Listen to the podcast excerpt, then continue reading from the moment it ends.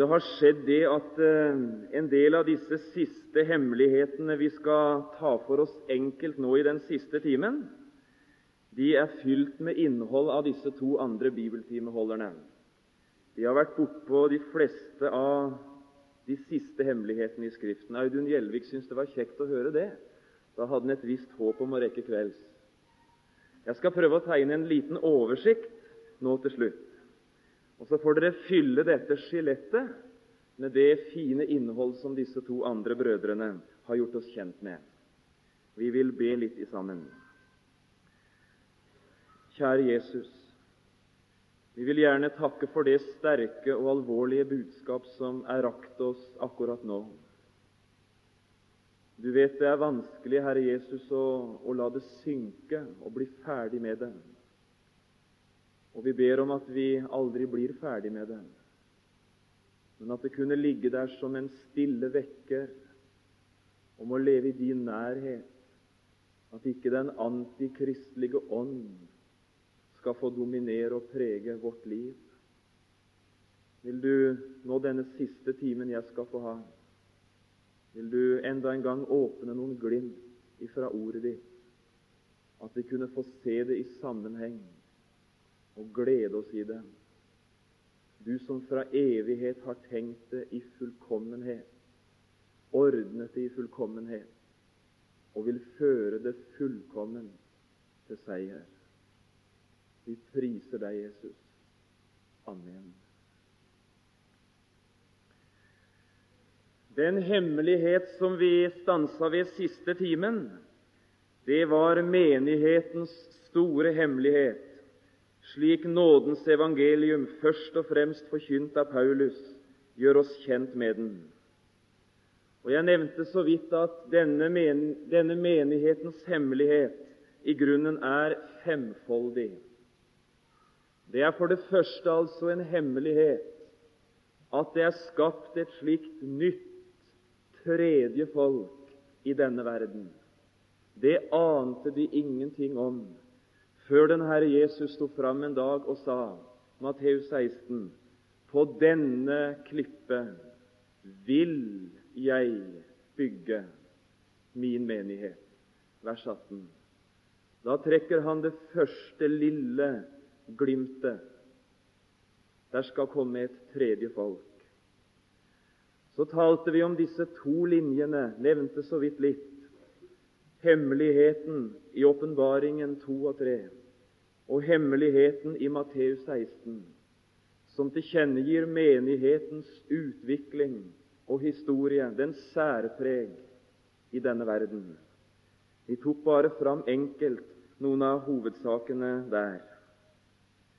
De to siste hemmelighetene knytta til Kristi menighet skal også nevnes bare enkelt.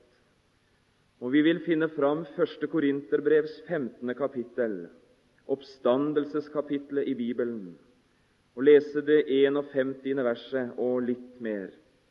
Første Korinterbrev 15, 51. Se, jeg sier dere en hemmelighet. Vi skal ikke alle hensove, men vi skal alle forvandles i et nu i et øyeblikk ved den siste basun. For basunen skal lyde, og de døde skal oppstå uforgjengelige, og vi skal forvandles. For dette uforgjengelige skal bli ikledd Unnskyld, dette forgjengelige skal bli ikledd uforgjengelighet, og dette døde ligger bli ikledd udødelighet. Og når dette forgjengelige er ikledd uforgjengelighet, og dette dødelige er ikledd udødelighet, da oppfylles det ord som er skrevet. Døden er oppslukt til seier. Se, det var sannelig en hemmelighet. Det hadde de aldri ant før den evige Gud rakte denne hemmelighet ved nådens evangelium. Til en slekt som trodde at det aller mest sikre i denne verden, det er døden. åpenbarer han en hemmelighet. Vi skal ikke alle hensove. Det er sannelig ikke så sikkert som vi skulle ha trodd. Vi skal alle forvandle. Og Så rekker den evige Gud denne fine hemmelighet til deg som er en kristen, og så sier han det kan være du skal dø, men det er ikke sikkert. Det er noe som er helt sikkert. Det er at du skal forvandles. Det er at du skal høre lyden ifra en basun og forvandles til å bli Jesus selv ganske lik. Det var en velsigna hemmelighet å få høre i Tessalonika. I kapittel 4 Dette fine avsnittet har vært lest flere ganger. Jeg skal ikke, ikke si noe mer om det. Der var de begynt å komme i stor nød. De hadde venta så intenst på Jesus. De hadde ikke ansett det som en mulighet engang at det skulle drøye så lenge som det nå viste seg å gjøre, at Jesus kom. Og Det de til sin forskrekkelse begynte å oppdage, det var at noen i forsamlingen de begynte å dø. Og skulle de nå tenke? Det var noen som var kommet til tro på Jesus. Det var noen som døde i troen på Jesus. Hva nå med løftet om forvandlingen, om dette å skulle møte Herren? Det er i den sammenhengen dette fine avsnittet er talt. Vi som lever, skal ingenlunde komme i forveien for de hensovede. Om de dør i troen på Jesus, og så skal de få være med dette store øyeblikk like fullt. De døde i Kristus skal først oppstå. Og vi som lever og er tilbake, når Herren kommer, vi skal sammen med dem velsignede gjensynsdag. Sammen med dem rykkes opp i skyer, opp i luften, og så skal vi møte Herren. Trøst. Å, men de hadde bruk for den trøst i Tessalonika. Trøst av hverandre med disse ord. Jesus sto en dag ved ei grav. Han står og taler med to så sannelig trengte trøst. Martha og Maria.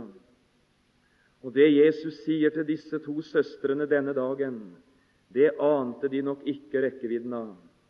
Men i lys av den hemmelighet som vi nå kjenner, så forstår vi hva Jesus talte om. Kan gjerne notere det ordet i denne sammenhengen, Johannes 11, 25 og 26.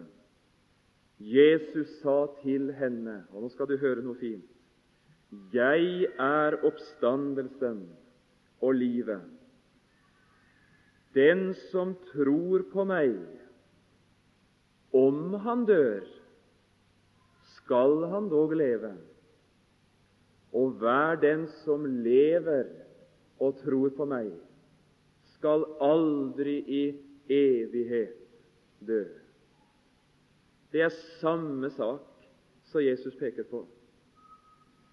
Den som lever og tror på meg, om han dør Hvis det øyeblikket skulle komme at han må dø, så skal han dog leve.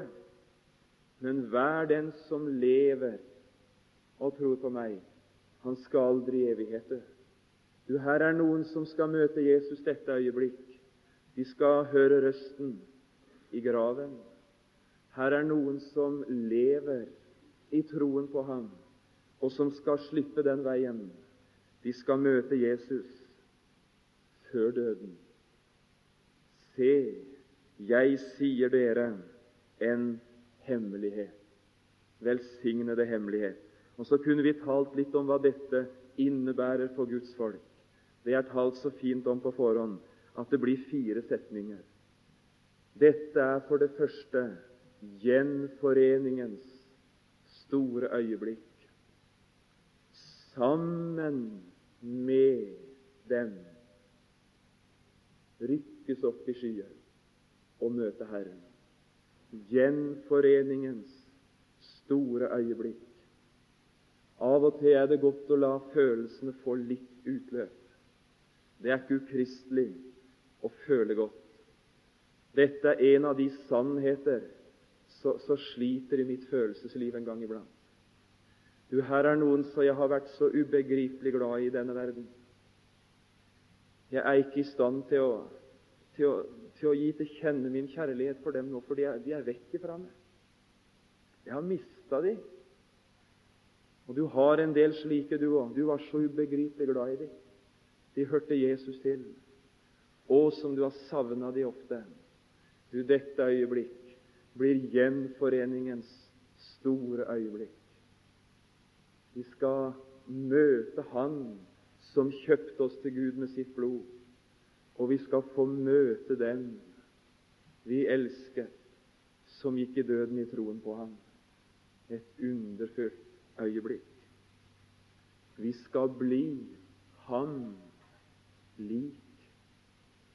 Her sang vi det 'Å, var eg meier deg, Jesus lik'. Og Vi kunne aldri opphøre med å synge den sangen, for vi fikk aldri et fullkomment bønnesvar. Dette øyeblikk er den bønn avslutta. Vi skal bli Han lik. Kan du tenke deg? Jesus lik. Tenk, tenk når jeg en gang uten synd skal leve. Hver tanke ren, hver gjerning uten brøst. Tenk når jeg aldri mer skal trenge beve for muligheten av en syndig lyst. Bli Han lik alltid være med Herren. Alltid. Aldri mer skilles ifra Ham. Der Han er, å, men der er jeg sammen med Ham. Alltid være med Herren. Det var, de, det var de beste stunder jeg hadde i denne verden. Det var de stunder jeg fikk være i Hans nærhet. Nærmere deg, min Gud, og som en ofte hadde bruk for å be om å få komme inn i Hans nærhet. Da skal jeg alltid få være med Herren. Velsigna øyeblikk når Han kommer. Og det største av alt se Han som Han er. Det uttrykket det, det, det, det er et sånt uttrykk som jeg må tygge på ofte. Se Han som Han er. Det betyr noe mye mer enn å se Han sånn ansikt til ansikt. Se Han som Han er. Gjennomskue Han. Skue inn i kjærlighetens uforklarlige mysterium. Begynn å fatte til fulle Hans langmodighet, Hans godhet, Hans omsorg. Se Han som Han er. Å, men det skal ikke bli vanskelig å lovsynge himmelen. Å, men det skal ikke bli vanskelig å falle ned for Han og tilbe Han når jeg ser Han som Han er. Lovprisning, det er å gå Han i møte i jubel for det Han gjør. Tilbedelse, det er å falle ned for Han i ubegripelig takknemlighet til det Han er underlig øyeblikk, en hemmelighet. Og det siste her menigheten og lammets bryllup. Det har Audun talt så fint om. Efeserbrevet 5. Det er vel det det egentlig er tenkt på i det 32. verset. I vers 31 i Efesene 5 så siteres dette gamle ordet fra første Mosebok. Derfor skal mannen forlate far og mor og holde seg til sin hustru, og de to skal være ett kjød. Denne hemmelighet er stor. Hva for en hemmelighet? Denne hemmelighet. Men jeg tenker hermed på Kristus og på menigheten. Jeg hadde bare lyst til å lese stille igjennom sammen med deg Første Moseboks andre kapittel. Vil du slå opp det? Og Så leser vi det enkelt i sammen, og så trekker vi linjer fra den første Adam til den siste. Og Så skal du se hvordan dette første er et forbilde på denne store hemmelighet. Første Mosebok 2, 21. Forutsetningen for det er slutten av vers 20. For et menneske fant han ingen medhjelp som var hans like. Det er Adams situasjon. Ingen medhjelp som var hans like da. For å bøte på det da Du, der gikk en som menneske i denne verden. Han gikk her aleine, og der var ingen som var hans like. Der var ingen han kunne fryde seg og glede seg i sammen med. Da lot Gud Herren en dyp søvn falle på mennesket. Og så opplevde han dødens dype søvn, den Herre Jesus. Så gikk han inn i en natt som ingen av oss aner dybden og innholdet i. En dyp søvn. Og mens han sov, tok han et av hans ribben og fylte igjen med kjøtt. Ut ifra menneskets side bygget Herren nå noe nytt. Ut ifra sårene i den Herre Jesus ble der en vidunderlig frukt. Ut av sårene fødtes der noe, skaptes det noe.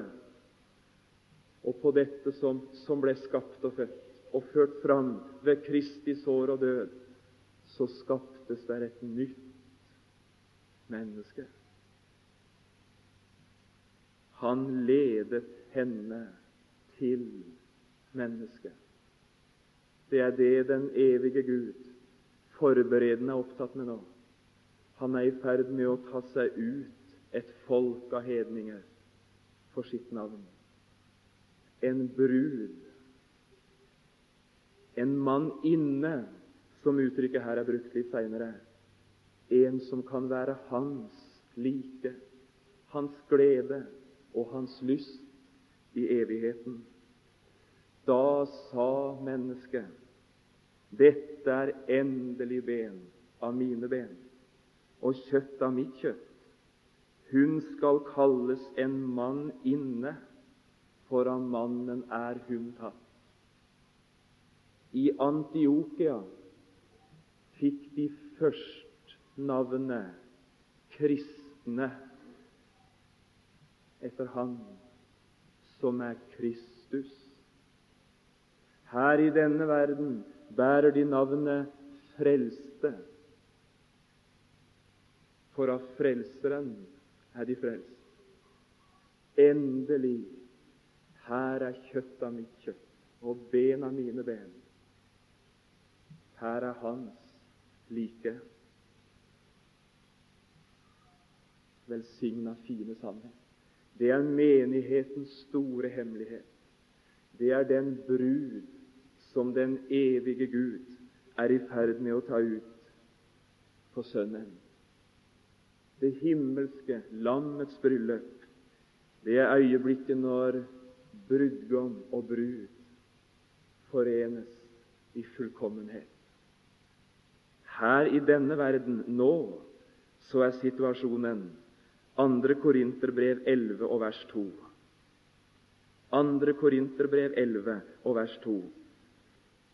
Bare fint å nevne den, den sannheten litt ut i det andre verset. Jeg trolovet dere jo med én mann for å fremstille en ren jomfru for Kristus.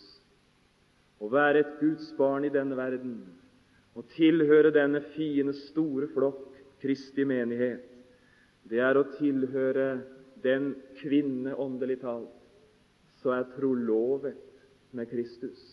Dette kjennegir ingen løs forbindelse. Jeg er bundet fast til Jesus, bundet fast med evig bånd. Men dette kjennegir Jeg har noe stort og velsigna i vente. Jeg har et øyeblikk i vente da jeg skal komme Han så nær som aldri i denne verden.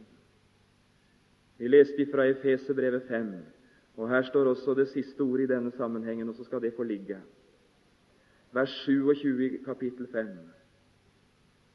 Her er hensikten for at han selv kunne fremstille menigheten for seg i herlighet, uten plett eller rynke eller noe sådan, men at den kunne være hellig og ulastelig. Det er lammets bryllup. Det er når han fremstiller henne for seg i herligheten, uten plett og lyte. Kjære tilhører som har blitt glad i Jesus, men som ofte plages og slites med dette at det er galt fatt med deg. Du sliter med urenhet, og du sliter med ufullkommenhet, og du sliter med feil, og du syns det er både plett og lyte. Du, han skal sørge for å stelle slik med deg den evige Gud, at denne dagen så fremstiller Herren Jesus deg for seg uten plett og lyte. Og så skal den hellige ha fullkomment behag og evig samfunn med sin blodkjøpte brud. Å, men for en velsigna hemmelighet! Det skal få ligge. Og så var det tre ting nå i slutten. Vi går til andre Tessaloniker 1, og så bare streker vi under tre framtidige hemmeligheter. Nå passer det veldig fint at denne min bibeltime kommer etter den forrige.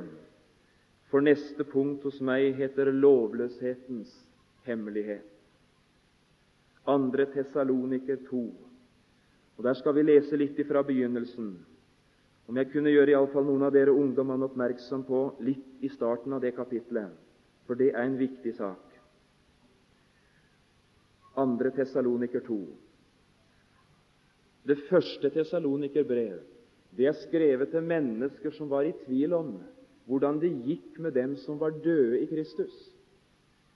Det andre tesalonikerbrev det er skrevet til vettskremte mennesker som ikke har hørt tydelig forkynnelse om hva Herrens dag er for noe.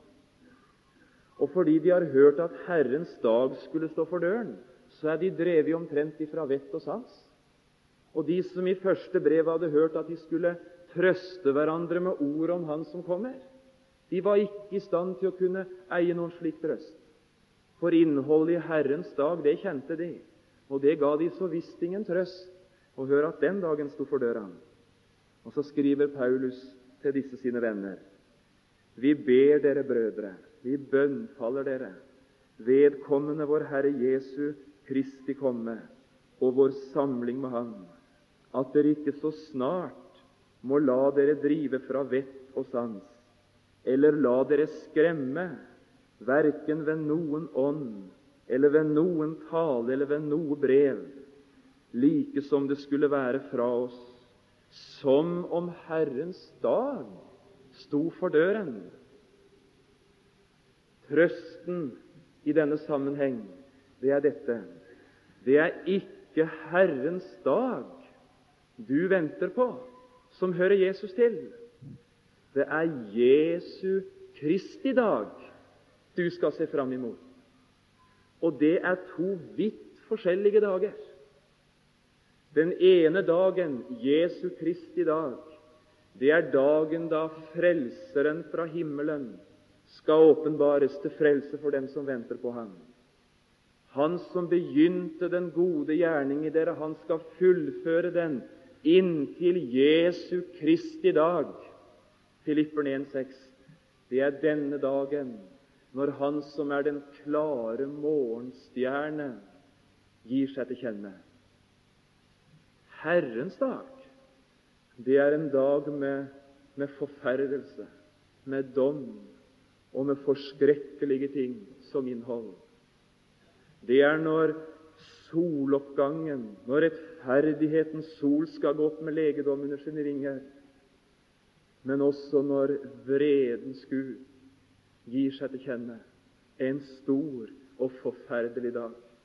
Jeg er altså så glad at den Herre Jesus har, gitt seg til kjenne og sagt du skal få vente på Jesu Kristi dag.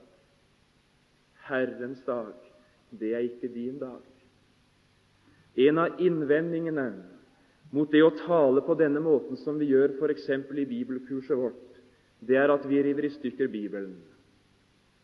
Det er at vi river bit, biter fra hverandre, og så, og så river vi, vi, Bibelen fullstendig i filler. Ja, for vi hører vi tar ut noe her og litt der, og så sier vi det er for oss, men det er for dem, og det passer, og det passer ikke. Jeg kan da ikke lese Guds ord sånn, sier de.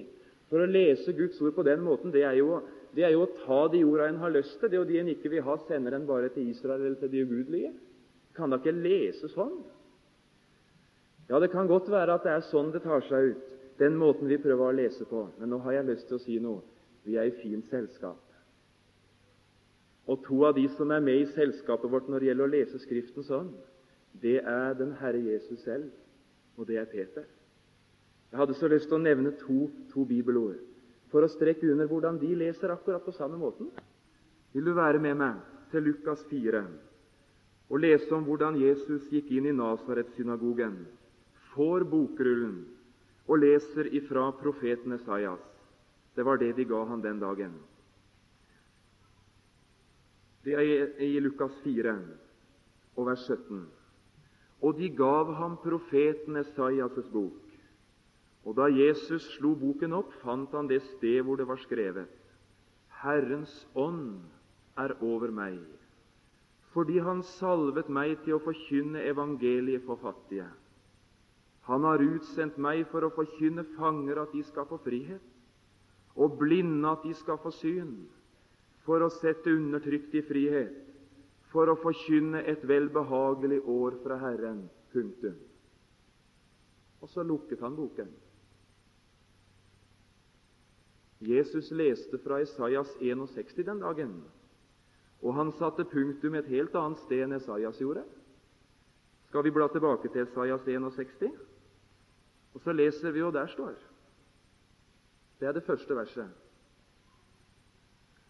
Herrens, Israels Guds ånd, er over meg, fordi Herren har salvet meg til å forkynne et godt budskap for de saktmodige. Han har sendt meg for å forbinde dem som har et sønderbrutt hjerte, til å utrope frihet for de fangne og løslatelse for de bundne, til å utrope et nådens år fra Herren. Punktum. Nei. Til å utrope et nådens år fra Herren og en hevnens dag fra vår Gud, til å trøste alle sørgende Jesus stopper, om du vil, midt i en profeti. Han stopper midt i et bibelvers, og så sier Jesus Herrens ånd er over meg, for han har salvet meg til å forkynne. Og så sier han det og det og det, men ikke mer. Dette er for dere. Dette passer nå. Dette er vår tid. Og så kommer det mer, men ikke nå, og ikke for dere. Det andre som kommer, de skal få vente, for det er ikke tid for det nå.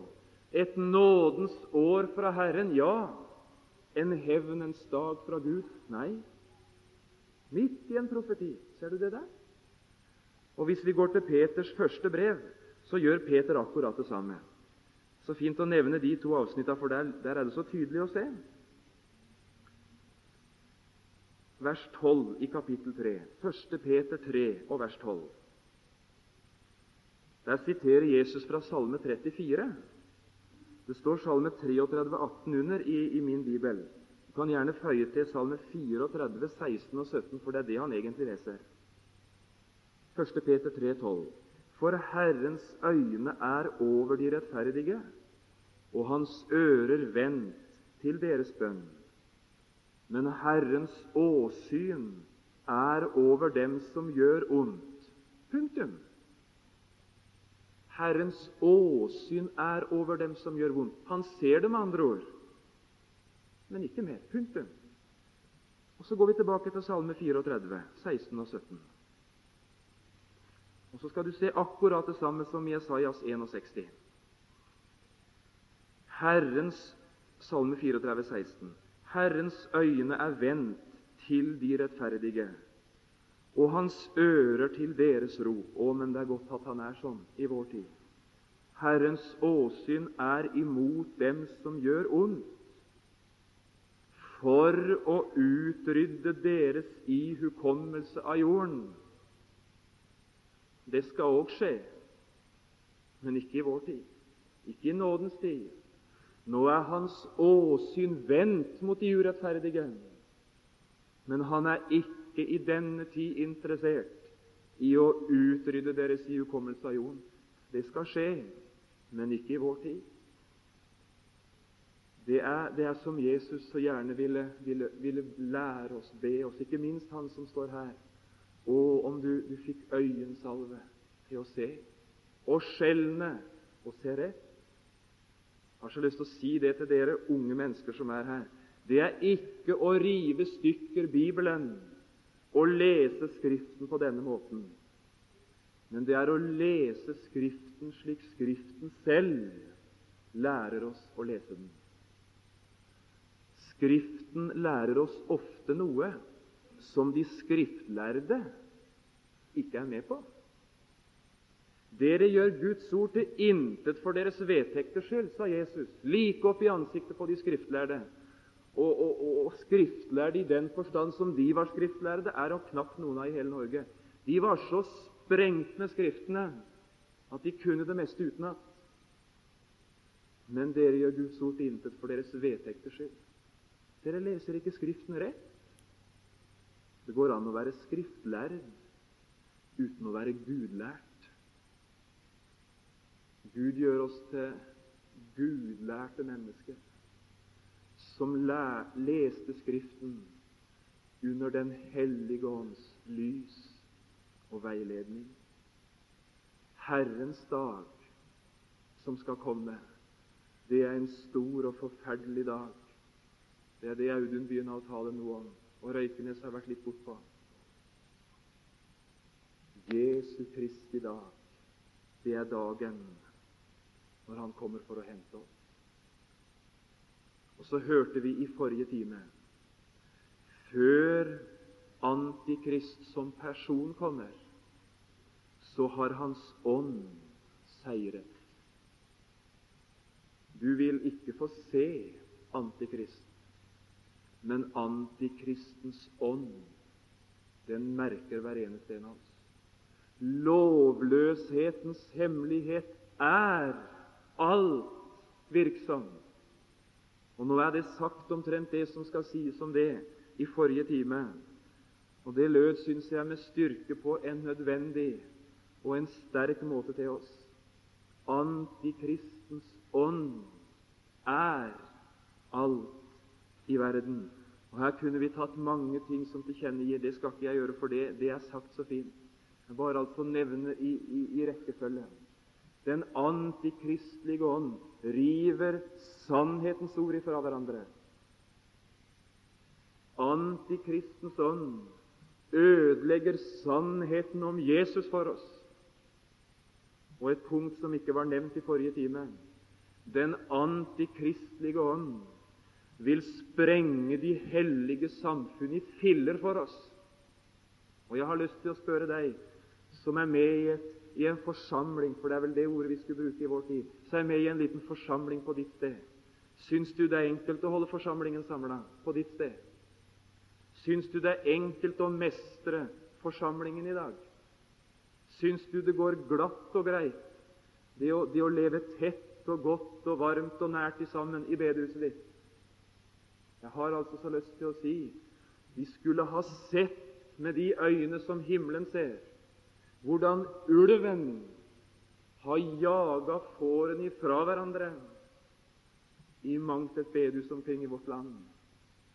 Og det som er det fortvilt ofte, det er at det er det gode som har blitt det bestes verste fiende. Det er under skinn av gode ting at det beste er i ferd med å gå tapt i hellige samfunn. Dette er ulvens kjennetegn, folk. Og Jeg har altså så lyst til å si kunne vi reise hjem fra bibelkurs med et stort syn på forsamlingen, gå inn, jeg hadde nær sagt, med sinn og sjel, ikke bare for å nyte, det skal du òg få lov, men å yte. Vær der. Si frimodig nei til politiske verv og til all verdens aktiviteter og kurs og alskens gode ting. Og vær der. Vær i redningsstasjonen. Vær der sammen med, med de få troende venner som er trofast på som går. Nød smelter ofte sammen. Nød føder bønn. Og da nøden var som størst i Jesu venneflokk etter oppstandelsen, så sto han selv midt iblant dem. Gud gi at den antikristelige ånd møtte Den hellige ånd i våre forsamlinger og ble nekta å utføre sitt råd imellom oss. Jeg har lyst til å si til dere som er unge, for dette er noe av det vanskeligste for dere å klare, det er å gro fast i en forsamling av troende mennesker. For det er ikke tid for sånt i dag. Vi flakker, og jeg merker det, og vi flakker, og vi er interessert i når det skjer noe der, og når det er noe der, og hvis det blir noe der, ja, så går vi. Vi er akkurat som fluene. Fluekristendom, vet du hva det er for noe? Det er når det er sånn normaltemperatur i forsamlingen, og kanskje helst litt sånn under null. Da trekker de seg inn i en sånn sprekk, ikke sant? Hvis det er sånn faspanel, så krabber de inn i en sånn sprekk langt vekk. Og vi ser ikke ei eneste flue i rommet. Jeg bor på noen sånne rom oppe i Telemark på gamle gårder og sånn som ikke er fyra opp annet enn når emissæren kommer. Nå fyrer de heldigvis i god tid, så det er ingen fare å komme til sånne rom. Men der opplever jeg akkurat det her. Da fyrer de i ommen så det gløder, vet du. Og da er det noen som surrer. Det er fluene. De har våkna altså av dvale, og de surrer omkring og unner altså meg når jeg skal sove omtrent ingen ro. Så en må på ha et forferdelig spetakkel med å tilintetgjøre de. For det er blitt liksom litt godt og varmt nå, og da er de altså med. De surrer og er på vei og men når det er sånn på det, på det jevne, da er de helt stille, og du ser aldri noe til dem. Er det sånn i våre forsamlinger? Ja, det er det. Dessverre. Og ofte, og med mange. Når det skjer noe, når det er noe ekstra, og når storkoret kommer, og han forkynner, og da er de der, ser du. Og det er noen av de som aldri nesten går. Da surrer de så høyt som vi, vi skulle tro det var de som dreiv alt altså på det stedet. Ja, det er sånn. Men når det er altså småmøte, som vi sier da, og bønnemøte på tirsdag eller hva det er for noe, nei, så er de ikke å se, ser du. Da er de i sprekken, da. Ja, ja, da har de trukket seg helt tilbake. Det her kan vi flire litt av, det er ålreit, det. Men dette er et utslag av en ånd som er virksom i verden. Og vi skal være klar over at dette er ikke bare sånne interessevanskeligheter, og at vi engasjeres med så mange ting, men dette har dypest sett med en med en åndsmakt å gjøre. Det er en, det er en lovmessighet. Det følger i hans spor, som er bærer av lovløshetens hemmelighet og antikristens ånd. Og Vi kunne ha nevnt mange ting her, men det lå meg så på hjertet akkurat å si det der. Vi skulle skatte forsamlingene våre høyt, være der i troskap, både mot Guds ord og mot vår egen plass, og ikke minst imot våre nådesøsken Gud hjelpe oss til akkurat det. Og Vi kunne ha nevnt en del flere ting, men jeg har bare lyst altså nå det her er litt bitte grann farlig på en måte, men jeg kan ikke fri meg altså bare fra å, fra å antyde. Omkring i samfunnet vårt i dag så legges det til rette en del helt mekaniske ting som så helt enkelt og tydelig åpner vei for det samfunn som det antikristelige system vil være bærer av. Og Det får du bare notere deg om du har lyst til det, og ta det med deg om du syns det er noe å spare på. Og så får du arrestere meg etterpå om du syns ikke det har noe for seg. Det, det, det er i grunnen ikke så farlige ting i og for seg, men én ting er litt sånn ekstra. Det, det kommer. Vi opplever mediaalder i dag. Og du kan tro at Antikrist skal vite å bruke media. Kan du huske fra åpenbaringen disse to profeter som ble oppreist i den hellige by, og som talte han imot, men som ble drept og lå på gata død i tre dager? Kan du huske det? Hvordan i all verden kunne en hel verden ifra alle fire verdenshjørner på en gang. Hvordan kunne de se disse to som lå der? Hvordan kunne det utbasunere synlig over en hel jord at Antikrist hadde seiret? Hvordan? Ja, det er ingen vanskelighet i dag. Vi opplever dataalder. Og enkelte ganger Nå har ikke jeg mye forstand på det, men når perspektiva i dataalderen åpnes for oss, med de skremmende muligheter det ligger i det, så er det sannelig ikke vanskelig å tenke seg en som kan systematisere en verden. Tenk bare om de veit i disse datasentralene om deg. Tenk når eh, datakontrollen ikke er aktuell mer, og hvor de samler og arkiverer alt de vil. Ingen problem i dag. Så har jeg lyst til å si det som noen av dere ikke må misforstå, men som dere skal merke dere. I arbeidslivet og på mange forskjellige vis opplever vi et uhyggelig organisasjonspress. Legger dere merke til det? Et kolossalt press om å skulle organisere seg. Og Nå sier ikke jeg altså at alle dere her som har organisert det, at dere står i ledtog med Antikrist. Nå må ikke du altså trekke den kortslutningen, for det er en dugelig kortslutning. altså. Men det er et system som vinner om seg, og som får mer og mer innflytelse, og som til slutt skal bli så beinhardt at det omtrent er umulig å overleve i arbeidslivet uten å være organisert. Her er mennesker i Norge som opplever det på kroppen at det er vanskelig, endog i dag. Den dagen han kommer og organiserer under 666 og gir anledning å kjøpe og selge og holde på med alt det der For du som tar utgiftene ved å organisere deg, du skal også ha inntekten av det. Men du som ikke vil organiseres, du skal heller ikke nyte frukten av det. Det er akkurat det prinsipp som skal kjennetegne denne antikristelige tid. Jeg har altså bare lyst til å, til å legge den tanken inn. Og så har jeg lyst til å si det kan være mer med det systemet å gjøre når det gjelder denne retningen, enn vi vet om. La det bare stå for akkurat det det står for. Lovløshetens hemmelighet. Dette er mange ting, men det skal være med det er alt virksom. Og Så var det to små ting nå til slutt. Så skal det være avslutningen av mine timer denne gangen. Jeg må lese ett ord fra Romerbrevet 11, vers 25.